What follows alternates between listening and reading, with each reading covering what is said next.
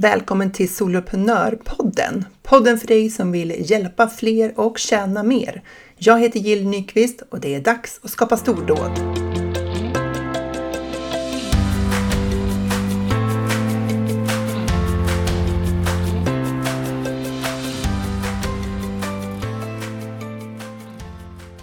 Funderar du på det här med paketering, prissättning, innehåll, eh, omfattning förvaltning och så, då är del tre av min lilla miniserie eh, med affärsmodeller. Då är det här för dig. För jag pratar med Angelica Henriksson som driver Yogaprenör och hon har hunnit med en hel del. Och det bästa av allt, hon berättar allting, delar med sig av alla sina erfarenheter i det här avsnittet. Så det är ett avsnitt du inte vill missa. Den här veckan för min del har varit full av eh, förberedelser för eventet som vi ska ha 23-24 oktober. Så när du lyssnar på det här, då har det redan gått av stapeln. Kanske får anledning att återkomma om det. Det har varit mycket coachningar. Vi har haft gruppcoachning i Soloprenörerna. Eh, fantastiskt gäng människor. Jag är alltid så glad och peppad efter jag har fått träffa dem. Och det har varit en riktigt bra och produktiv vecka. Men jag ska inte orda så mycket mer om det utan vi hoppar direkt in i mitt samtal med Angelica Henriksson från Yogaprenör. Den här veckan har jag med mig Angelica Henriksson som är yogalärare och entreprenör. Eh, och du har säkert eh, kommit i kontakt med Angelica under hennes eh, märke Yogaprenör. Varmt välkommen till Soloprenörpodden, Angelica. Tusen tack Jill, så kul att vara här. Ja, men superkul. Och du får berätta så här, vilka det är du hjälper och vad du hjälper dem med. Det hörs ju lite grann på namnet. Det gör ju det. Jo, nej men jag är då yogalärare och entreprenör. Jag driver två företag. Det ena heter barnyoga.com där jag har Nordens ledande utbildningar inom barn och tonårsyoga. Så där hjälper jag vuxna personer, förskollärare, pedagoger, mammor, oftast kvinnor, mormödrar som vill lära sig om yoga för att få tryggare barn och tonåringar. Men sen har jag då sedan ett år tillbaka ett företag som heter Yogaprenör där jag hjälper den som har eller vill ha yoga som affärsidé. Och det gör jag då genom eh, webbutbildningar och coachning online.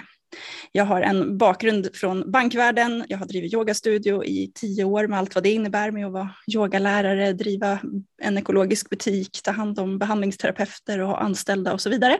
Sålde för två och ett halvt år sedan och sen drygt ett år då så är jag bara, bara eh, webbaserad. Det är vad jag pysslar med. Ja, en spännande resa vi fick där i kort form. Men, vi brukar ibland prata om att man ska nischa sig och det får man väl säga att du har gjort. Mm. Det kan man ju faktiskt göra. Eh, det är väldigt kul att jobba så här nischat. Eh, när det kommer till yogaprenörer så är det ju verkligen yoga, det är ju det jag kan så himla himla bra i och med att jag har gjort det på heltid. I, ja, sedan 2009 har jag jobbat med yoga på heltid i någon form. Och eh, sen har jag jobbat med entreprenörskap egentligen ända från bankvärlden när jag utbildade både UF-företag, när man driver företag på gymnasiet. Eh, jag var med och utbildade där, eh, men sen har jag jobbat i andra sådana projekt som jobbar kring entreprenörskap. Så att, när jag sålde min yogastudio och funderade på vad jag skulle bli när jag blev vuxen, då var det så här, men vad tycker jag är roligast att göra då? Ja, men det är ju yoga. Jag vill inte släppa yogan, men jag vill inte jobba som jag gjort tidigare. Och det andra är att utbilda och då i entreprenörskap. Så att nischen stod ganska klar för mig. Sen var det ju frågan om att målgruppen fanns, det visste jag. Alltså så många yogalärare som jobbar hårt, riktigt, riktigt hårt och ändå inte får ihop det. Eh, men sen ska det ju finnas en betalningsvilja också och den betalningsviljan eh, har jag, jag har haft entreprenörskapskurser för yogalärare tidigare, men då har jag märkt att, att just eh, betalningsviljan är inte så stor. Kanske lite kvinnligt också, så här, kan själv, gör själv, försöker själv, liksom, eller, eller inte ska väl jag, den finns ju också. Ja, just det, det är antingen eller. Det. Antingen eller. Och då blev det på något sätt att när man börjar jobba webbaserat så blir faktiskt prisbilden lite annorlunda kan jag tycka än när jag ska sätta ihop ett, liksom en, en fysisk utbildning och hyra lokaler och så vidare. Här kan jag jobba till fler på ett annorlunda sätt. Så att, ja, här mm. kom jag ut. Jag hade ju folk med mig från start. ja, precis. Och, eh, det är ju intressant det du säger, för det, det, är ju lite grann det vi tänkte att vi skulle fokusera på i vårt samtal nu. Det är ju det här med affärsmodellen för liksom, hur vi driver företag. Och jag, jag, jag googlade ju då, så här, vad, är, vad är definitionen egentligen av en affärsmodell? För det, det är någonting vi kanske, ett ord vi säger ofta. Eh, men vad betyder det? Och en definition är då att det handlar om vilken modell vi har för att tjäna pengar, alltså hur vi får intäkter. Och sen vilken modell vi har för att producera det vi levererar. Och i vårt fall så är det ju online-tjänster på olika sätt då. Och sen hur liksom själva leveransen till kund går till, alltså hur kunden får ta del av våra tjänster. Så det var den, jag tyckte det, det var väl en ganska bra liksom, mm. modell att tänka utifrån. Intäkterna och hur vi tjänar dem och hur vi producerar och hur vi levererar. Mm. Eh, Precis. Och du har ju, ja, du har ju rätt mycket liksom verksamhet. Jag var inne och kollade på din webb och eh, det känns som att det, hur många är ni som jobbar i ditt företag? jag och jag och jag och jag då är det som jobbar. På barnyogasidan så samarbetar jag med några fantastiska yogalärare kring utbildningarna. Eh, så absolut, man gör ingenting sånt själv. Eh, sen så är jag själv liksom i driften av säljet och, mm. Eh, och så vidare. Jag har begåvats med en väldigt, väldigt bra partner. Min Stefan är väldigt, väldigt duktig på tekniska lösningar och så mm. vidare och har ett väldigt genuint intresse, vilket absolut hjälper till. Man kan säga att det jag har gjort på ett år skulle kanske ha tagit tre år om jag hade fått göra allting själv. Ehm, men han är duktig på att se lösningar och så. Och sen är jag duktig på att springa på de lösningarna. Men jag är ensam i företaget. Ja. det är jag. Och det är Nej, lite fantastiskt det där, liksom, jag pratade om det i ett tidigare poddavsnitt, att det är otroligt vad man kan skapa för verksamhet fast man bara, bara inom situationstecken är själv. Alltså det är rätt mycket liksom, både eh, verksamhet och intäkter som man kan få igång. Trots att man bara är en person. Ja, verkligen. Och jag då som har gjort resan från andra hållet tidigare, att jag startade en yogastudio själv och började undervisa själv. Jag ledde väl 15-20 klasser i veckan första tiden. Det var liksom allt från gravidyoga, nybörjaryoga, senioryoga och så vidare, liksom vecka ut och vecka in. Tills jag insåg att redan då att en stor styrka jag hade var just det här entreprenörskapsdelen. Så varför inte starta en yogastudio som är som ett paraply där jag kan sköta mycket av liksom, ja, affärsmodellen helt enkelt. Affärsmodellen är Studio Karma och sen kan jag ta in andra yogalärare som levererar eh, det hela. Så det var ju där Studio Karma började. Och där hade jag verkligen the sky's the limit. Jag, jag, hade inget, det var bara så här, vi behöver större lokaler. Okej, nu behöver vi fler lärare. Nej, nu behöver vi ännu större lokal. Nej, nu behöver vi det här. Nu, nu behöver vi komplettera med en butik. Så att liksom efter fem år så stod jag med 350 kvadratmeter lokal i centrala, ja, Norrtälje är inte stort, men det liksom är centralt här. Ja. eh, två yogasalar, tre behandlingsrum, en ekologisk butik, eh, webbshop. Eh, vi drev liksom allt, så jag hade ju 25 medarbetare med mig till slut. Ja även om inte alla var anställda så var det 25 huvuden som jag liksom skulle hålla reda på på något liksom, avtalsmässig bit och så. Mm. Eh, den här gången när jag gör om resan och startar om med yogaprenör så har jag en, ett, en annan målsättning och den målsättningen är ju hur långt kan jag komma på att jobba själv? För du vill alltså, jobba själv nu, det är, är det en ambition du har? låter ju kanske egoistiskt så. Nej, ja, jo, jag vill faktiskt sitta själv i det här företaget. Sen skulle jag kunna tänka mig att liksom göra samarbeten kring projekt och så. Mm. Men jag skulle, vilja, jag skulle vilja hitta en affärsmodell som är liksom så pass trygg i att det bara är jag.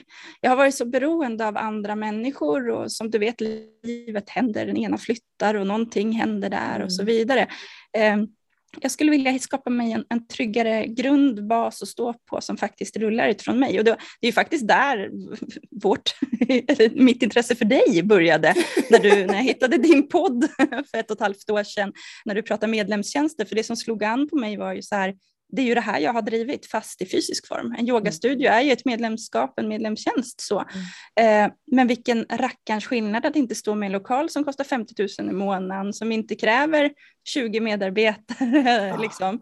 så här, var, hur kan man skala? Vad kan man göra för någonting för att få det här att funka? Så att ja, ett mål är att hitta basen i hur jag kan jobba själv.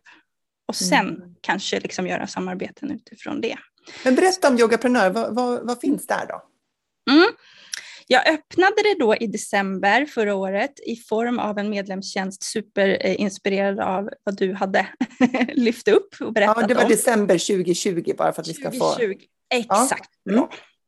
Och då gjorde jag det i formen av att hej hopp, nu tänker jag försöka hjälpa till. Det var ju då pandemin hade blivit lite värre där också i ja. november. Så det drabbade ju yogalärare enormt eftersom det var de här 10 kvadratmeterna per person. De flesta sitter med yogasalar så att helt plötsligt kunde de ta in tre människor per klass. Liksom, så. Eh, så jag hade ju också många tidigare deltagare från barnyoga.com och så som ringde mig och bara Angelica vad ska vi göra nu? Hur? Det är nu vi går under. Så att jag fick mig en käftsmäll i, i november som var så här, nu är det dags, ska jag göra något kring entreprenörskap så är det nu.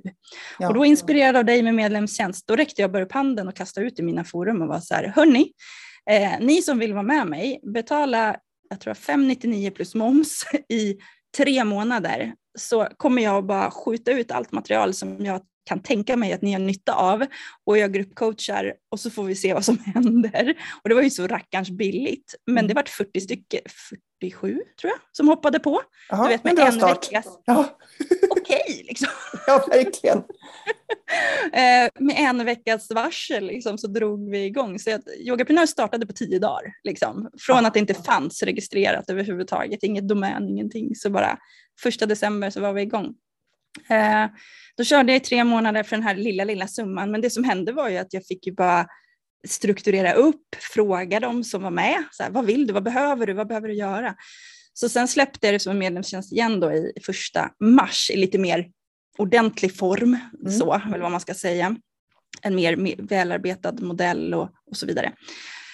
Eh, då gick vi också, jag tappade några och fick till några. Liksom. Och det är också spännande att det var några som tyckte på tre månader att de hade fått tillräckligt för att verkligen vända sin skuta och kunna ja. jobba själva, vilket ju är jättecoolt. Liksom. Eh, så då körde jag det. Nu, och så startade jag en medlemstjänst då på, jag tror att det var nästan 40 anmälda, 38 eller någonting sånt där. Ja. Med en bättre betalning och så. Men, Vad kostade det att gå med då? Då, då var det väl, var det 6 990 plus moms eller något liknande. Den... Var, var, var det en kurs då eller? Nej, då var det ett medlemskap ett helt år. Ja, det var ett eh, år. Ja. ja, en workshop i månaden och en gruppcoachning i månaden. Så man kan säga att det du gjorde där när du drog igång i mm. december, det var ju mm. Eh, en sån här medskaparlansering. Vi börjar nu, det finns ingenting, nu kör vi.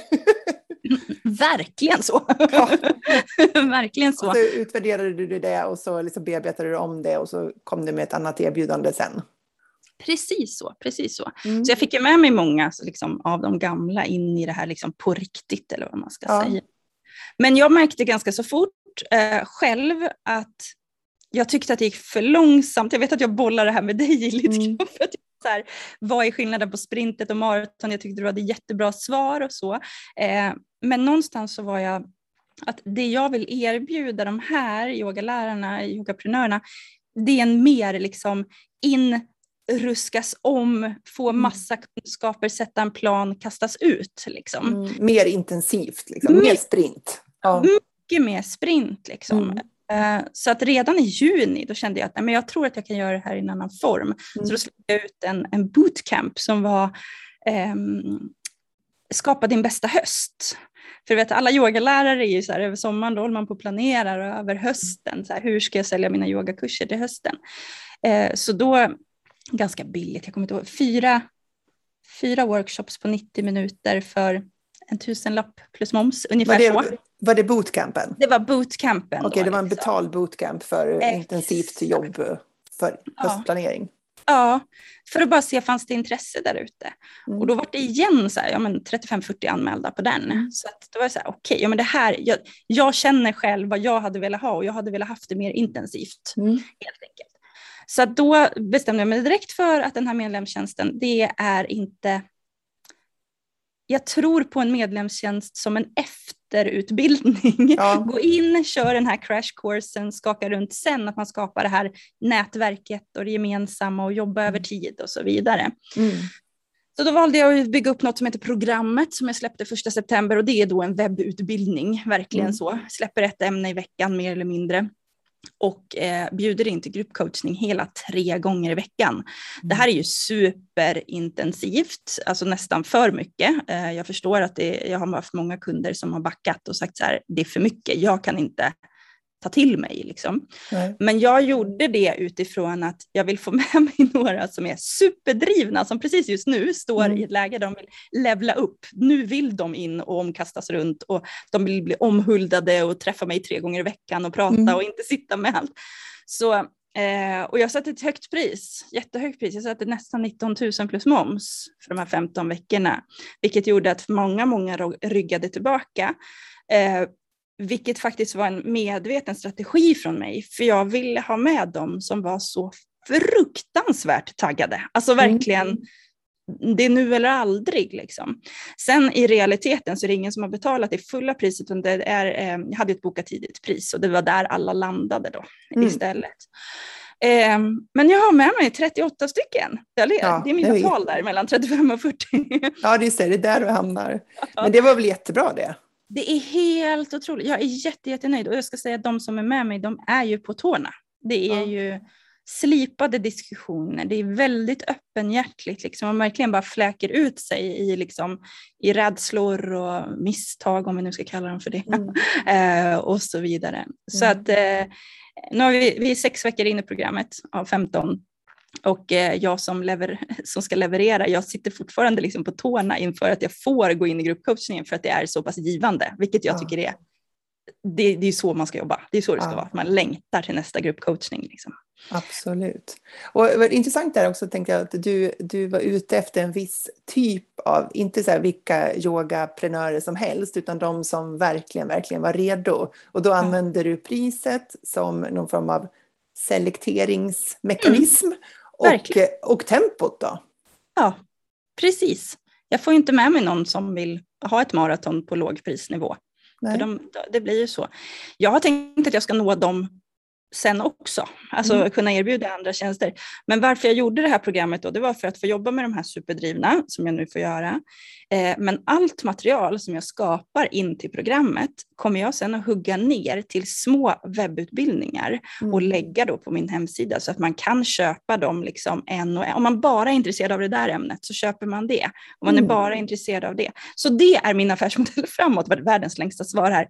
Eh, det kommer att finnas ett bibliotek av webbutbildningar som man kan plocka och bara göra den när man vill, eller plocka upp ett litet paket.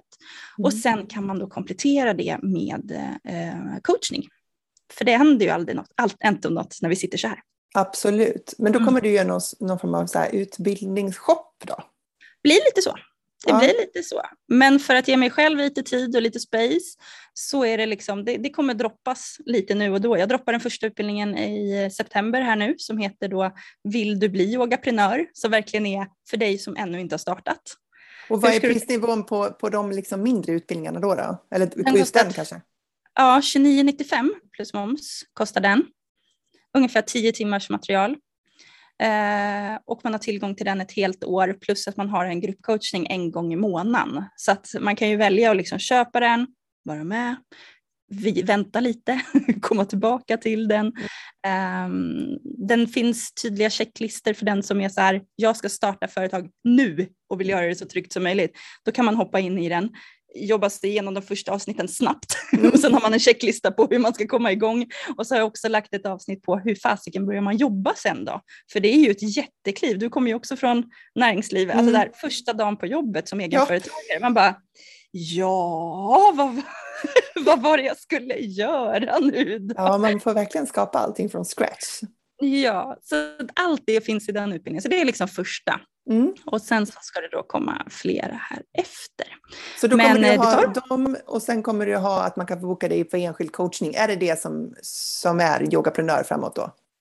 Det är det som är yogaprenör plus att jag erbjuder en sån här plattformslösning. Du, du har ju New Sendler som du pratar för. Mm. Jag har en egen sån lösning som heter ja, yogaprenörplattformen kallar jag den för helt enkelt. Har du skapat en egen? Jag har köpt ett sånt white label-företag.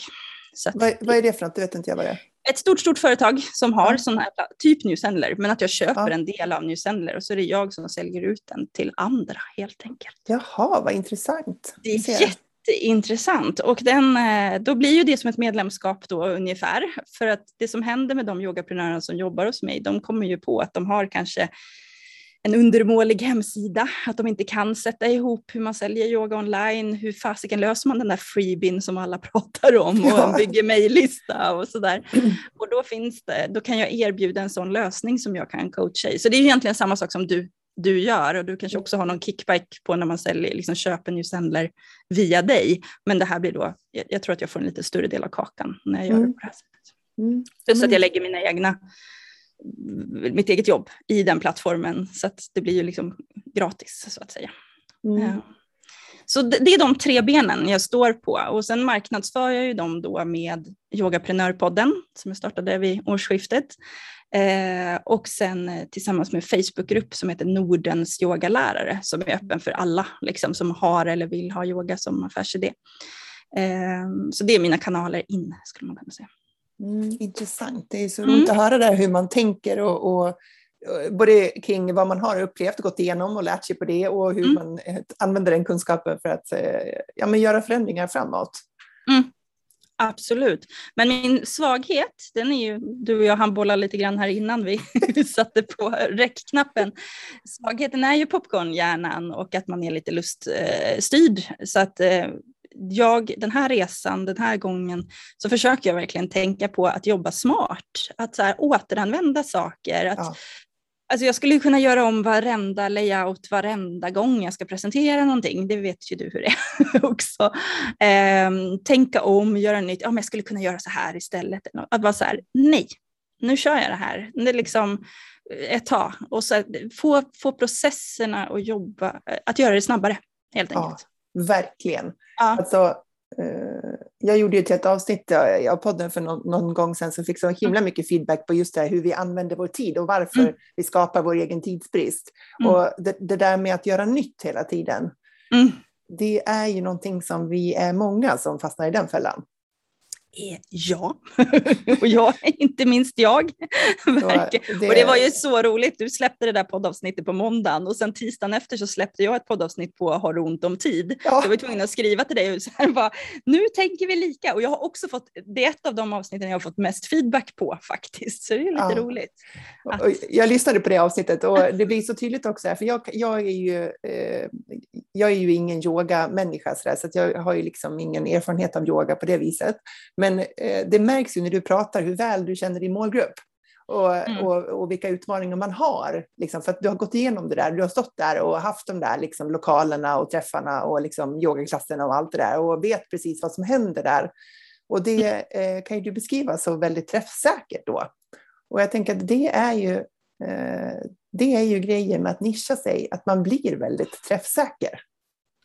Alltså det är så roligt. Om vi tänker att jag har jobbat då onischat, väldigt onischat. Studio Karma, det var ju ja, Norrtäljes yogastudio, det var väl den nischen jag hade så att säga.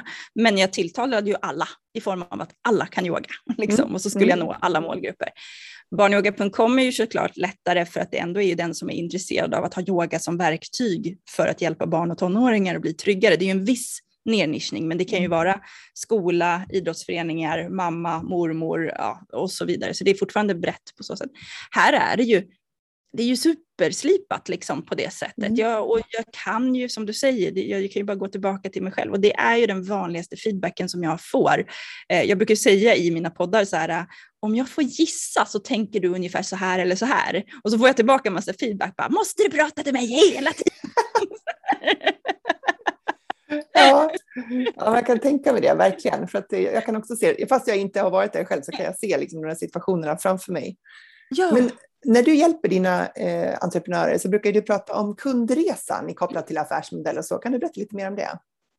Jo, och det är ju därför jag tycker att affärsmodeller är så spännande att prata om överhuvudtaget. Att vi skapar oss en en helhetsblick över hur vi ska driva vårt företag.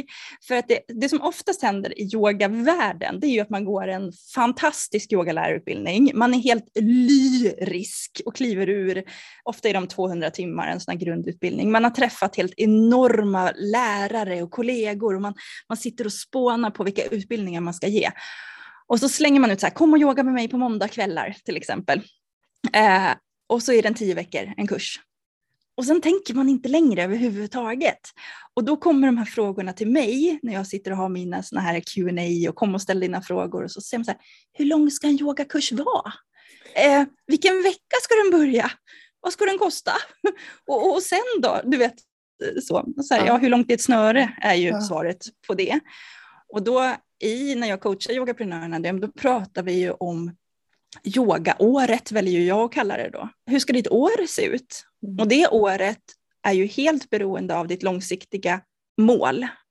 Alltså, och där, efter att jobba med entreprenörskap så länge, jag tycker det här med mål är jätte, jättesvårt. Så jag pratar ju mycket om drömmar och mål för att se vad är vad är det som tilltalar dig mest? Och faktiskt mig, jag är ändå en ganska strukturerad och oflummig människa, kan ändå tycka att jag lättare ser en dröm.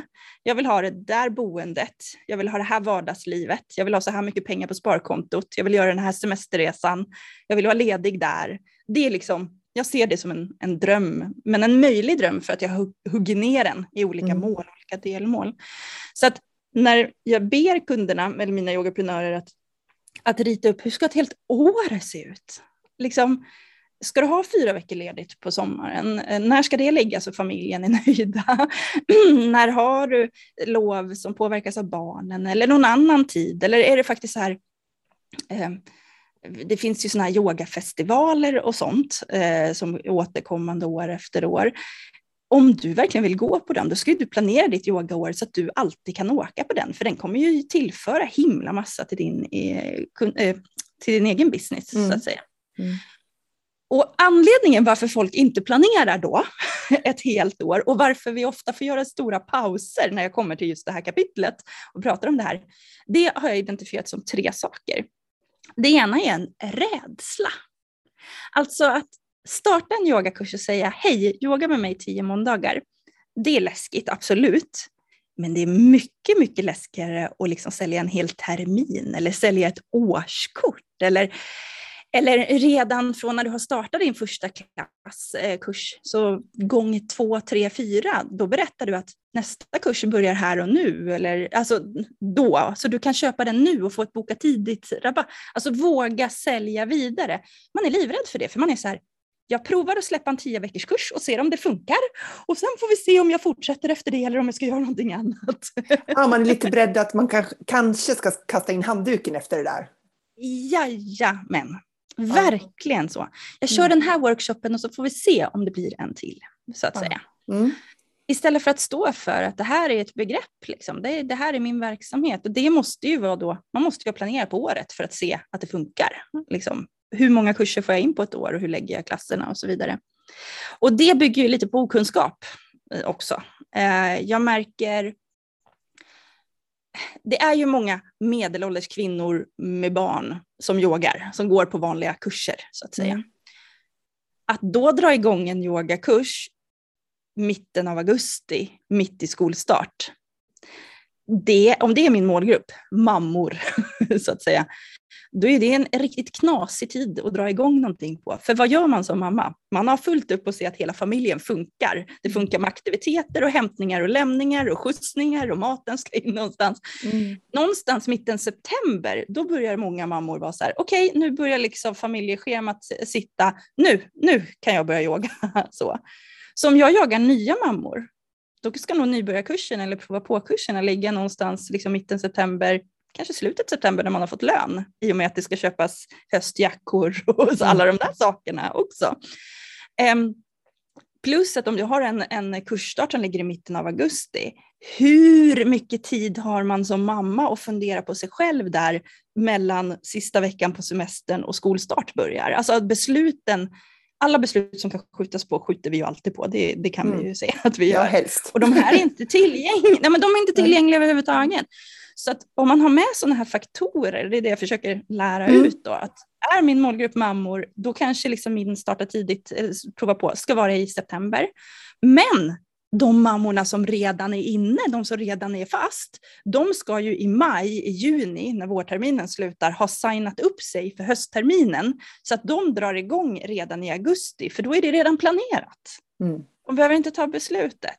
Det här är ju små detaljer, men det här är ju liksom sådana okunskaper som är onödiga att göra, som jag har gjort i kanske hälften av, av min tid, men som jag nu vet att det är superviktigt.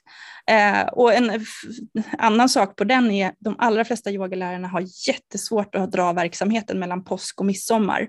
För vad mm. händer mellan påsk och midsommar? Alla vill ut och knåpa i trädgården och det blir grillmiddagar mm. och så. Då vill man inte gå på, man köper inte en yogakurs till mellan de tiderna. Men har man köpt ett terminskort som börjar i januari, då fortsätter man yoga. Listigt hörru! Visst är det lite listigt? ja, det är det ju faktiskt.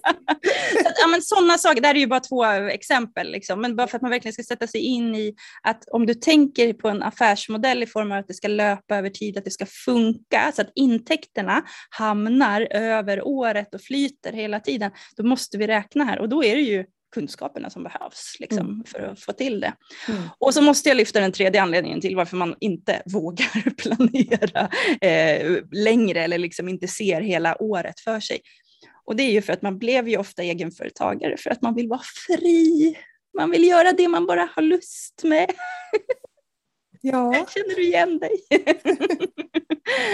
ja, men och kanske är yogalärare liksom snäppet värre där än en del andra entreprenörer, tänker jag. Jag brukar kalla mina, de som jag har jobbat med tidigare har jag kallat ibland för så här konstnärssjälar. Alltså man verkligen kreerar, om du, om du likställer det med en konstnär av något slag så vem vet hur mycket kraft du har att kreera i djupaste november och då tänker man att nej men jag, jag, alltså jag lägger inte ut något nu. Jag, jag lägger ut något en vecka innan om jag känner att jag har kraft att göra en workshop. Så. Ah, man, man känner hur man känner för stunden och det får som, fatta beslut utifrån det. Lite så. Jag kan ha respekt för det, för att det ligger någonting hållbart i det på ett sätt.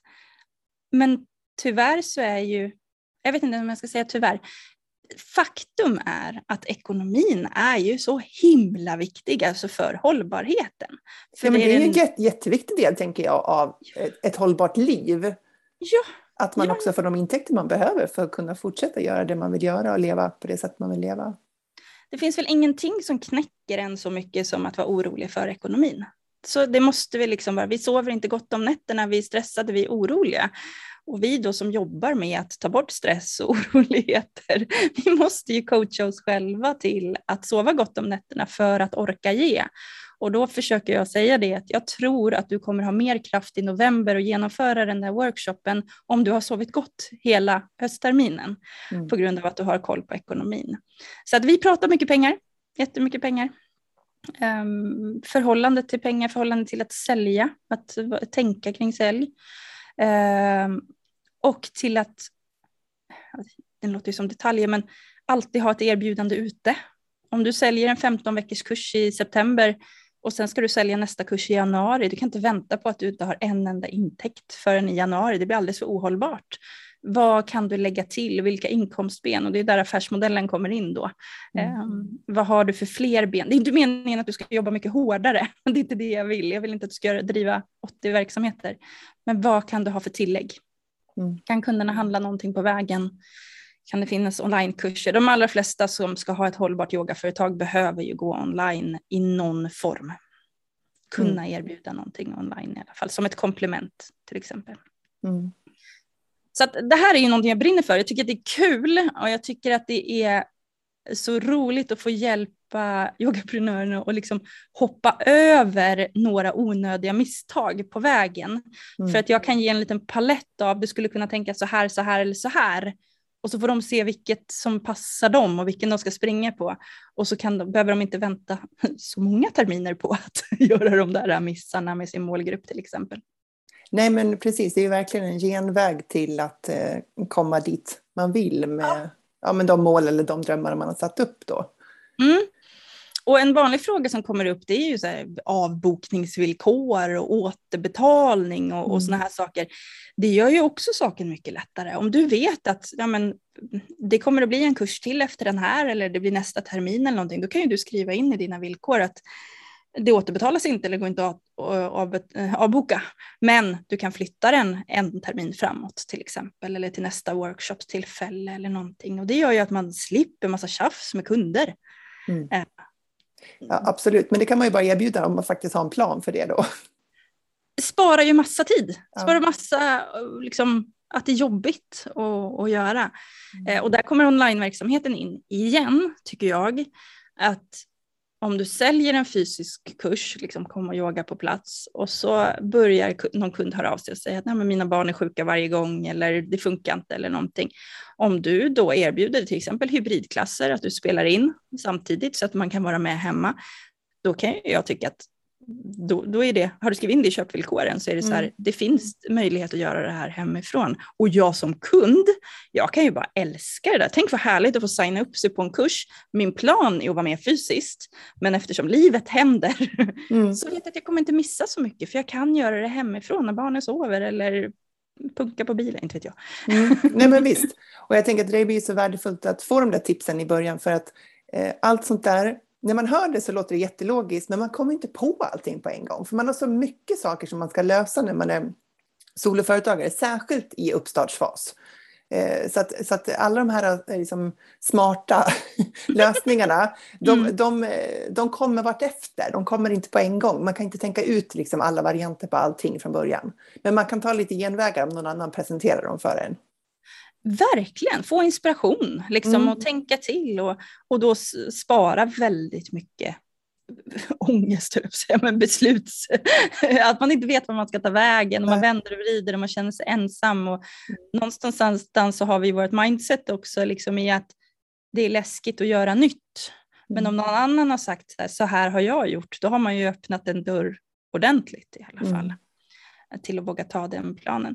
Och yogayrket är tyvärr ett väldigt så konkurrensbetonat yrke. Alltså de som har kommit en liten bit väldigt, väldigt rädda för konkurrens. Man håller i saker, man samarbetar inte och det skulle jag vilja säga att är en anledning till att man inte är så bra på att nischa sig. Utan man säljer yoga för alla och tänker att man ska vara den bästa yogalärarutbildningen för alla eller vad det nu ska vara för någonting. Ifall jag tydliggör att jag jobbar med den här yogan och mina kunder som kommer till mig, då kommer vi jobba på det här sättet för att nå det här resultatet då kommer det ju vara mycket lättare när en kund kommer in och säger att ja, men jag skulle vilja ha det på det här sättet. Mm. Ja, men då den där yogaläraren där borta, suverän mm. på det, varsågod och gå dit. Mm. Um, och så, ja, så, är det ju i alla branscher, i alla, alla branscher. Men yogan är så mycket att den ska vara för alla så att vi tappar bort oss. Liksom. Ja, alltså, alla branscher har ju sina, liksom, eh, sina sätt att tänka eller sådana här liksom, sanningar, säger jag inom citationstecken, som, ja. som man opererar utifrån tills någon kommer och ifrågasätter dem. Och så här, det här är en gammal branschsanning, den är, inte liksom, den är inte relevant längre och ändå fortsätter vi att upprepa den. Liksom. Så att jag tänker att alla branscher har de där och att vi som jobbar inom våra branscher, eller nischer om vi kallar det för det, då, mm. eh, alltså få syn på de där kan ju verkligen göra att vi ger människor ett helt nytt perspektiv. Ja, verkligen. Verkligen.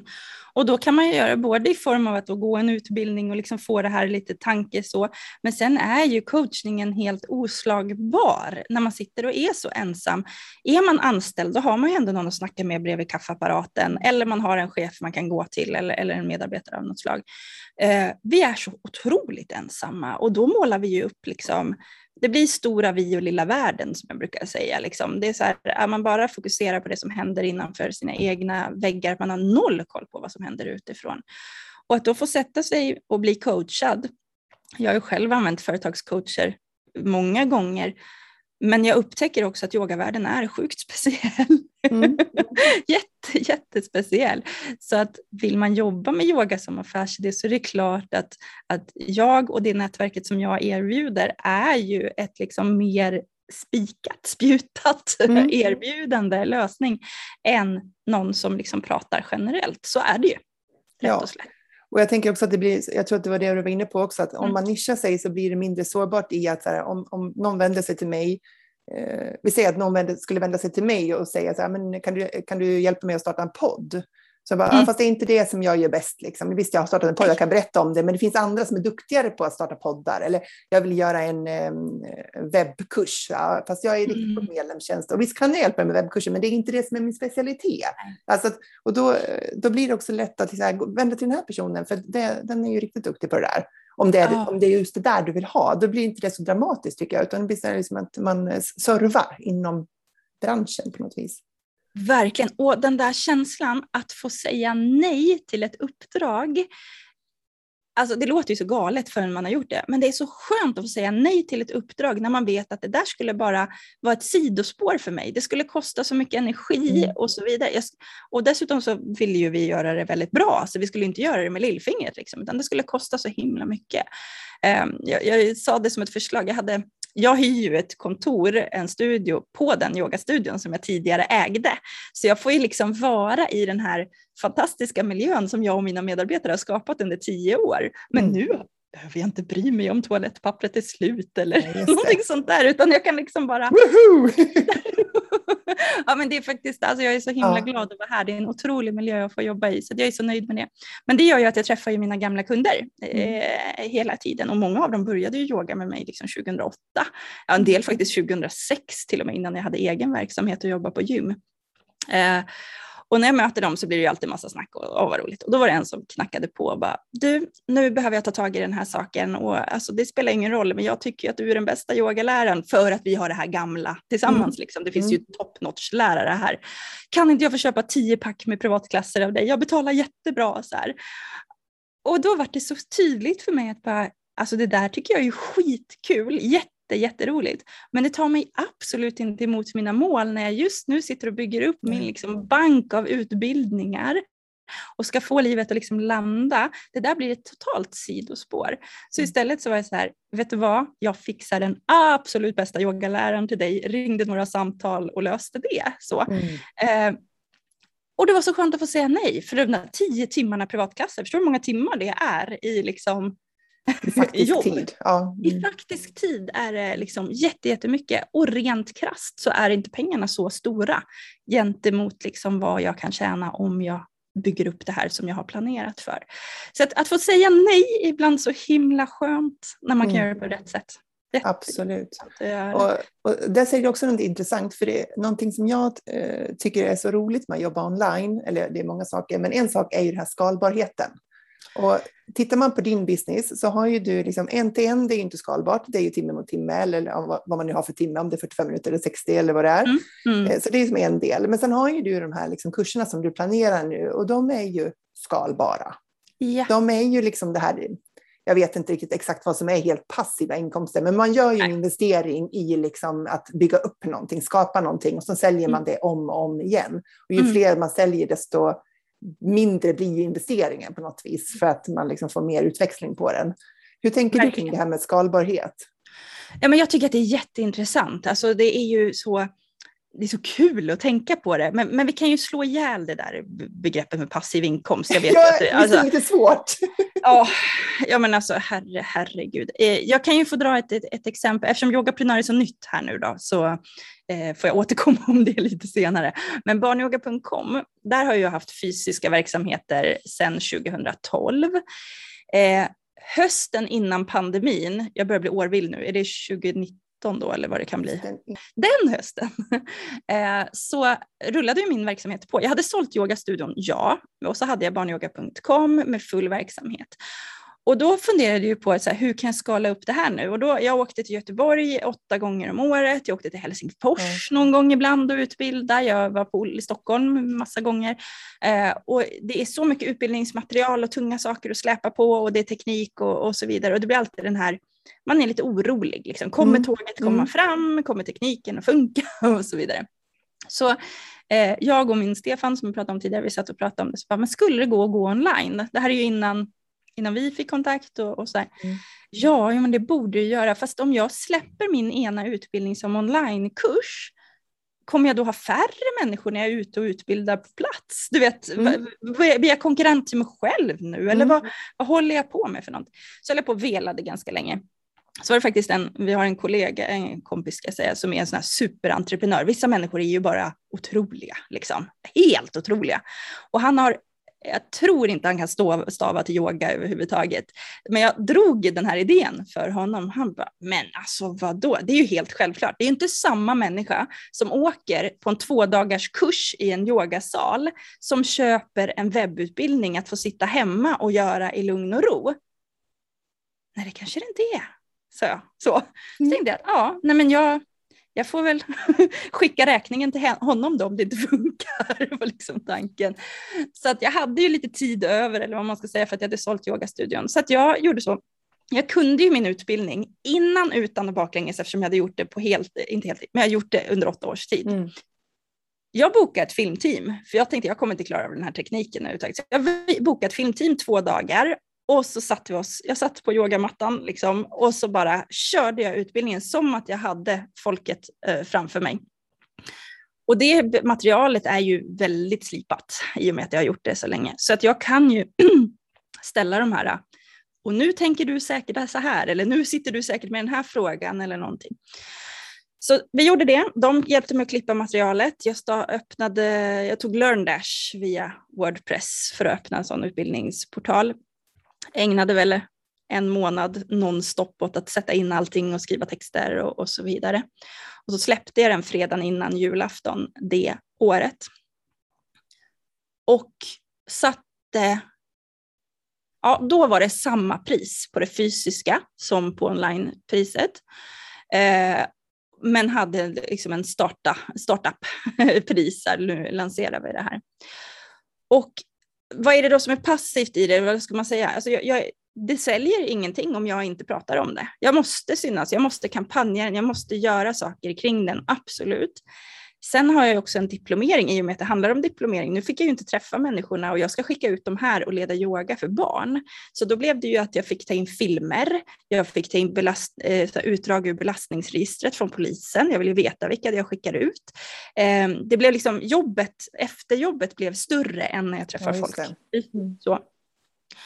Men det var på dagen, alltså verkligen på dagen, fredagen, fred, fredagen året efter innan julafton, då så hade den sålt för 500 000 plus moms. Ja. Och jag hade inte haft, eh, liksom, första starten där, då hade jag lika många på mina fysiska utbildningar. Sen kom ju pandemin va? Ja. Vilken timing. Vilken ävla timing. Ja.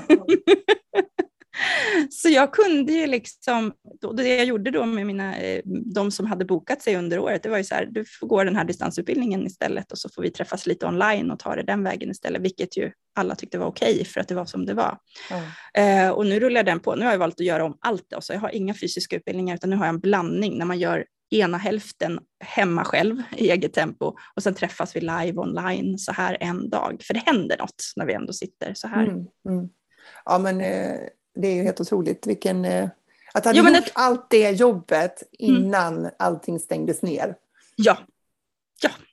Mm. det var ju helt otroligt. En fantastisk timing. Och ja. jag tänker på det, jag som liksom brinner för medlemstjänstmodellen som affärsmodell, som är ju en prenumerationstjänst. Mm. Och där levererar vi ju värde. Och om jag har en workshop som jag levererar, vi säger till soloprenörerna, en och en halv timme, mm. Då spelar det ju mig ingen roll om det är tio som tittar eller om det är hundra. Det är ju samma jobb för mig att sätta ihop det där materialet. Om det så bara skulle vara en ja, så ja. skulle jag lägga ner samma jobb för att det skulle bli riktigt bra. Och mm. när jag då um, har det här materialet och jag gör det här jobbet då, då blir det bara mer och mer lönsamt ju fler medlemmar vi blir. Mm, mm. Och, och det tycker jag är en fantastisk affärsmodell när man är själv. Mm. För att um, det är ett eh, man säga, det är rätt slitsamt att bara sälja styckevis. Styckesaker liksom. Bara sälja webbkurs eller bara sälja böcker eller bara så här mm. engångsintäkter. Jämförelsevis med om man får någonting som sträcker sig över tid. Nu, nu pratar jag om medlemstjänster, men det kan ju lika gärna vara något längre program där man betalar över längre tid eller liksom någonting som sträcker ut sig jämfört mm. med någonting som är väldigt här och nu. Mm. Och... Ja, men, och jag har tänkt jättemycket på hur, om jag skulle göra det i barnyogan någonstans. Eh, nu blir det, man kan gå två grundutbildningar, en i barnyoga, en i tonårsyoga och sen finns det en certifieringsutbildning som liksom är den stora. Så någonstans så håller jag ju fast mina kunder ändå. Om de vill gå hela den här vägen så blir det ungefär ett års utbildning, men de köper ju en utbildning i taget. Mm. Sen startar jag något som heter Barnyoga Community då, som är för alla som går utbildningar eller har gått utbildningar. Och det är en Facebook-sida där jag går in och gör lite live-träffar. Min plan var att ta betalt för det från början. Men nu får vi inte gå tillbaka till målgrupp. Och de här, min målgrupp här, det är, alltså, det är förskolepedagoger som kanske har fått det betalt av sin, sitt arbete. Ska de sen börja betala för att vara med i ett nätverk? Alltså, det, det är svårt så. Så jag har faktiskt sett att jag tror att ha det där öppet öppet blir istället en, en USP, någon, ett på, eftersom det är mm. distansutbildningar så är det så här, de får känna att de har kontakten med mig och vi kan ställa frågor och, och så där. Att det får vara gratis, det är inget hinder, men de blir också påminda om, wow vad kul, nu går de den utbildningen, skulle inte jag också gå den utbildningen, mm. det vill jag också göra. Att det blir en försäljningskanal eh, som är också kundvårdande. Ja. så. Eh, I den bästa världen skulle man kunna liksom omforma en del av det till en medlemskapstjänst. Så. Men, men jag, jag kände att den ger mig mer. Och det är samma sak med Nordens yogalärare, den mm. Facebookgruppen som jag har där. Eh, det är ett forum som behövs bland yogalärare, så då kan vi liksom snackas där, ha kontakten där. De vet om att jag finns och den dagen de vill ha hjälp så finns jag där. Då har jag servat med det istället. Mm. Eh, men det jag ville säga, jag glömde, förlåt när jag pratar så himla mycket, men det jag ville säga med passiv inkomst på den där distansutbildningen som jag hade under ett år, är att jag kan alltså sitta på min lista av de som har köpt utbildningen, så kan jag pinpointa vilka människor det har varit mest trassel med. Och de människorna är de som har betalat minst för utbildningen. Då när jag har passat på och kampanjat utbildningen. Intressant. Det är så fruktansvärt intressant. Oh. Jag får frågor som, hur ska jag göra det här? Och så går jag tillbaka in i utbildningen och kollar, har jag fått knäppen? Har jag missat att skriva det? Och så står det så här tydligt, gör så här. Ja. Och de som har betalat hela, jag kan också, för det är inte alla som har klar, gjort klart hela och skickat in hemuppgifter och liksom filmat och så vidare. Av de som har betalat ordinarie pris är det ju jag säga 98 procentig avslutsgrad på att de har mm. genomfört hela utbildningen. De som inte har gjort det har hört av sig, vi har hittat andra lösningar och så vidare. Mm. Men av de som har köpt det billigt vill ha tillbaka pengar, trassel, läser inte, ställer 80 000 frågor. Ja, inte alla mm. såklart, men nej, jag kan. Nej. Ja. Ja. Det... Otrolig skillnad. Ja. ja, men apropå vad man, priset är ju en del av marknadsföringen och vilka vi attraherar. Mm. Eh, så det blir ju väldigt tydligt facit på det. Det är super, super tydligt, men också väldigt läskigt. För eh, som lite, jag pratar på ganska länge här nu, men som en, en, annan del i det här med affärsmodell som jag brukar prata om är ju just vad har vi för instegsförsäljning? Alltså om jag inte känner, känner dig, att jag ska gå och köpa ett årsmedlemskap hos dig är en ganska stor grej mm. att göra. Eh, nu har du podden, vilket gör att man lär känna dig väldigt mycket. Du har en hel del webinars och lite sådana här roliga utmaningar och så vidare. Men du, jag vet inte, finns det liksom ett lägre, kan jag köpa någonting lågprisat av dig nu? Nej.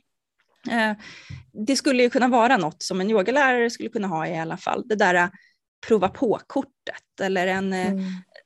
Köp de här tre klasserna online och så ger du bort väldigt mycket av liksom varför de ska yoga med just dig där. Och så kostar inte den mycket mer än runt 300 eller någonting liknande så att man nästan vem som helst kan köpa den. Mm. Eh, det skapar ett tick till dig själv. Mm. Men det gör också att de, de har ändå lagt lite intresse, att det inte bara är gratis material. Och sen vad är nästa steg då? Ja, då kan ju fortfarande ett årsmedlemskap vara lite för högt faktiskt. Men jag vet att du har ju haft sådär att man kan köpa per månad till mm. exempel. Mm. Och så. Mm. Eh, det är inte så många yogalärare som tänker på det sättet så här, första, utan då kanske man har ett prova på-erbjudande, så här, en, en, två klasser i början av terminen. Men om den bara finns till augusti och januari, då är det ganska många månader på året som man inte har någonting att sälja. Mm. Så att, att se där instegsprocessen, kund, nu, då är vi tillbaka på kundresan, mm. liksom, får vi in kunderna, vad har vi för mittemellan erbjudande och erbjuda och sen har vi liksom premium eller high ticket eller vad du väljer att kalla det för någonting, där mm. både där du tjänar de stora pengarna. Liksom. Eh, och det är ju de du kan luta ekonomin på sen. Ja, för det gäller ju liksom att, ja men du vet apropå det här, lägga alla ägg i samma korg och allt det där, att, mm. att man har lite olika intäktsströmmar in, eh, i sitt företag. Och så alltså, nu jobbar jag inom två olika nischer och då blir det lite arbetsammare. Jämfört med om man har flera intäktsströmmar inom samma nisch. Liksom. Mm. För då handlar det om att man levererar sin kunskap, apropå det här med mm. hur man levererar och producerar och hur man tar betalt på olika sätt för lite olika mm. syften beroende på kanske vad, vad kunden är på sin resa. Då. Verkligen, och det jag har som jag älskar är ju att barnyoga.com och yogaprenör snackar ju med varandra väldigt, väldigt bra. Det är ju mm. många som kommer utbilda sig till barn och tonårsyogalärare som vill starta eget och då finns ju yogaprenör där. Ja. Så det är väl jag tänker du kommer ju säkert i kontakt också med Funka, funka med ADHD, kan det finnas de som blir intresserade av medlemstjänster. Men, men jag tror att de är färre. Jag tror också de är färre. Jag skulle nästan tro det. Här ja. går de ju liksom i varandra ja. på ett sätt. Eh, så det, om jag jämför med att jag drev yogastudio förut och hade barnyoga.com, så de hjälpte inte varandra lika mycket, ska jag säga. Den lokala yogastudion hjälpte inte barnyoga.com, mer än att jag hade väldigt fina lokaler att vara i för mina utbildningar och sådär. Mm. Eh, men yogaprenör och barnyoga, de, de har många kunder som går emellan och mm. det gör ju att det är kul att man inte känner att åh, nu har jag jobbat för mycket med det här företaget, utan de bygger varandra. Ja, det, är perfekt. Det blir en växelverkan där. Det blir lite växelverkan, man får lite olika energi och det skulle jag nog vilja säga om vi ändå sitter i samma båt att vi har två olika verksamheter som absolut är tyngre att dra. Vi måste komma ihåg det. Men det ger också energi att få byta fokus, för ibland är man ju så less på sitt eget varumärke så man vet inte vad man ska ta vägen. Så här. Då är det ganska kul att gå in i den andra bubblan. Du skulle ha något event här nu mm. lite längre fram. Eh, troligen kommer inte du kunna tänka på soloprenörerna just under den tiden. Det är ganska skönt. Ja, precis. Ja, men det kan vara lite skönt att kliva in och ut ur saker ibland också. Så det, ja. det är så, det finns ju alltid, eh, allt som har en framsida har ju en baksida. Så det, det är för och nackdelar med allting. Men jag väljer också att se det som, som en styrka i att eh, att jag i Funka med ADHD får testa saker som kommer från soloprenörerna eller att jag i mm. soloprenören testar saker som jag har liksom erfarenhet från Funka med ADHD-medlemstjänsten. Mm. Och att jag har en medlemstjänst som riktar sig till privatpersoner som är väldigt lågt prissatt. Och sen mm. har jag en medlemstjänst som riktar sig till entreprenörer som har ett högre pris och det ger mig också olika erfarenheter. Väldigt, väldigt, väldigt mycket. jag tycker det är jättekul att se. Det är kul att följa och det är roligt att få varför jag tror att jag fastnade för din podd och liksom så, det, det, är ju för att du har en väldig verklighetsuppfattning. Om, om jämför, det finns ju många poddar om online marknadsföring, onlinekurser och digitala kurser. Eh, mycket bra finns det där ute, men det finns mm. mycket som också är väldigt, väldigt, det är väldigt flygande. Det finns ingen förankring i det man pratar om eller eh, allt, allt som vi tar som kommer liksom från USA, man märker det är en helt annan försäljningsteknik, det är ett helt annat sätt att bara lägga över den till Sverige och försöka få den att flyga här. Det kan absolut funka, men det är, det är inte där jag är. Ehm, jag har ju som sagt jobbat på bank. Man, har man provat att jobba i de här fyrkantiga, supertunga organisationerna så tror jag ändå man bär med sig väldigt mycket liksom, ja, förankring i verkligheten. Det tror jag också. Och jag tänker att liksom, vi har det med oss som anställda, eller ja, vad vi nu har haft för roll som anställd. Och sen är ju också eh, det här eh, att ja, men du har jobbat som entreprenör inom yoga. Mm. Jag har jobbat med att driva medlemstjänster utan att ha någon eh, tanke om att jag ska lära någon annan. Jag startade ju Funka med ADHD för att Funka med ADHD, inte för att jag skulle lära andra att göra det. Det kom ju sen. Så att då har man ju all den här liksom verkligen gräsrotserfarenheten när man sitter här och och sitter med sina himla programvaror och, och, och, sina, alla de här funderingarna och alla de här valen och så vad va, va försvann ljudet nu då? Vad tog det vägen? Liksom, alltså alla de här liksom gräsrotsproblemen som man också löser samtidigt som man gör mer strategiska val och allt det. Man har ju hela spannet. Ja, alltså jag, jag skrattade. Jag hade ett webbinar förra veckan och jag hade alltså, kvarten innan webbinariet så var jag så här ja, det är en helt ny landningssida med en ny checkout och allting. Jag, jag gör ett extra köp själv, alltså med mitt eget kort köper, ja. för jag orkar inte att det inte funkar. Eh, 145 anmälda till webbinariet eller någonting, så jag orkar inte. Så bara in, köper, kvitton kommer, dubbelkolla momsen. Allt funkar, helskotta vad bra, ja, suveränt så här. Kör webbinariet, ja, faktiskt försvann ljudet bara det. Fast jag jobbar ju med det här hela tiden. Ja, det löste sig. Och så kör vi på och så börjar ungefär halvvägs in i webbinariet. Då har folk blivit så intresserade så att de vill börja köpa. Så de har ja. ju så lämnat och gått in på sidan och ska börja klicka. Bara, ja. Rabattkoden funkar inte. Knappen funkar inte. Det här funkar. Och man bara, men vad i hej? Jag gjorde ju det! Alldeles nyss. Liksom. Så bara, okej, okay, ja men vi gör så här istället och så bara skicka mejladress jag löser det. Du, alltså det är klart mm. att det löser sig. Mm. Men så sitter man två timmar efteråt och bygger någon rackarns extra landningssida och skickar och fixar och då. Så är man så här, det här är jag beyond. Det här är inte jag värd liksom, att gå i. Men det är exakt de där grejerna som händer i, liksom, ja. eh, i vardagen. Och jag tänker de som lyssnar kanske säga, det där händer ju bara mig. Nej, det händer oss alla. Ja. Man håller livesändningar utan ljud och eh, livesändningar som inte syns och folk skickar hysteriskt i alla, vet du, då hittar de en på DM, på Messenger, på mail, liksom bara rasar in överallt. Och, och man är helt svettig och vet inte ens vad som är problemet och det är inte så att man kan ringa Facebook direkt och säga hej, jag har problem. Hej, det är Jill från Älvkarleby, jag har lite problem här. Så man, man, Pratvis löser man det, men det är verkligen en del av, av soloprenörvardagen online. Alla de här teknik... Och, och, så har man testat allting. Alltså, mm. Jag är jättenoga med att testa saker och likväl är det precis så där så är det ändå någonting som glimsar. Så man bara, hur är det möjligt? hur är det möjligt liksom att göra? Jag jobbar ju tillsammans med en eh, tjej som heter Josefin Wikström som är outstanding top notch yogalärare som jobbar med traumaanpassad yoga. Jobbar bland annat med kriminalvårdens yoga. Och hon, vi brukar skratta åt det där ibland när det går åt pipsvängen och vi utsätter oss för saker. Hon bara så här, är det så att vi har ett självskadebeteende? Är det här vårt självskadebeteende? Att utsätta sig för det här. Att ständigt utsätta sig för nya saker. Vad är det vi håller på med för något? Alltså då är det skönt att ha de här kollegorna som man kan ringa och prata med och liksom skrika lite och grina lite på och så vidare. Och det slutar ju inte bli fel. Den är så hemsk att behöva säga till de som är nystartade. Ja, just det. Man tror att man ska komma upp på någon nivå där ingenting går fel efter det. Liksom. Men tyvärr så uppstår bara helt nya fel då.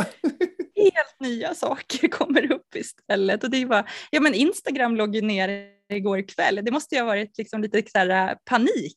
Såg du det? Instagram, Facebook och WhatsApp låg nere igår kväll jag fick höra det idag, jag hade missat det. Jag höll på att tapetsera igår kväll, jag var helt upptagen av annat. Bra prioriterat! Det var någon som la någon eh, tråd i någon, någon Facebook som var så här, vad gjorde ni igår när det låg nere? Och så här, 90 procent svara, försökte logga in i alla fall jag, vet inte, jag var ute, jag var tapetserade dotterns rum, jag och maken, och sen var jag ute och gick med hundarna, blev sent och sen gick jag och la mig. Liksom. Så jag missade hela dramatiken. Så jäkla bra! Alltså, men jag kände lite så också, bara, nej, men det är bara att lägga ner. Men, men efter att ha försökt logga in några gånger så tänkte jag så här, nu måste det vara väldigt många som sitter och gör precis det här, liksom så här scrollar och scrollar och scrollar. Ja. Eh, så att, eh, jag hoppas att alla tog det som en spark i rumpan till att ha koll på sina mejladresser och så vidare, för att eh, uppenbarligen så kan ju allt bara försvinna. Ja, usch, det är ett helt annat avsnitt, det ska man verkligen fördjupa sig i. Fy vad hemskt. Mm. Hörru, du, var intressant att prata med dig. Det känns som att här har man kunnat sitta en timme till, men vi ska ju vara aktsamma om din tid. Ja. Ehm, de som blir jätteintresserade av att veta mer om dig, var tittar de dig nu då?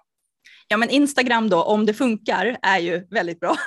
och då heter jag yogaprenor och barnyoga.com. Det är nästan bästa sättet att connecta med mig. Så connectar jag gärna med er, så kom in. Tusen tack för att du var med. Tack Jill, grymt bra jobbat med allt.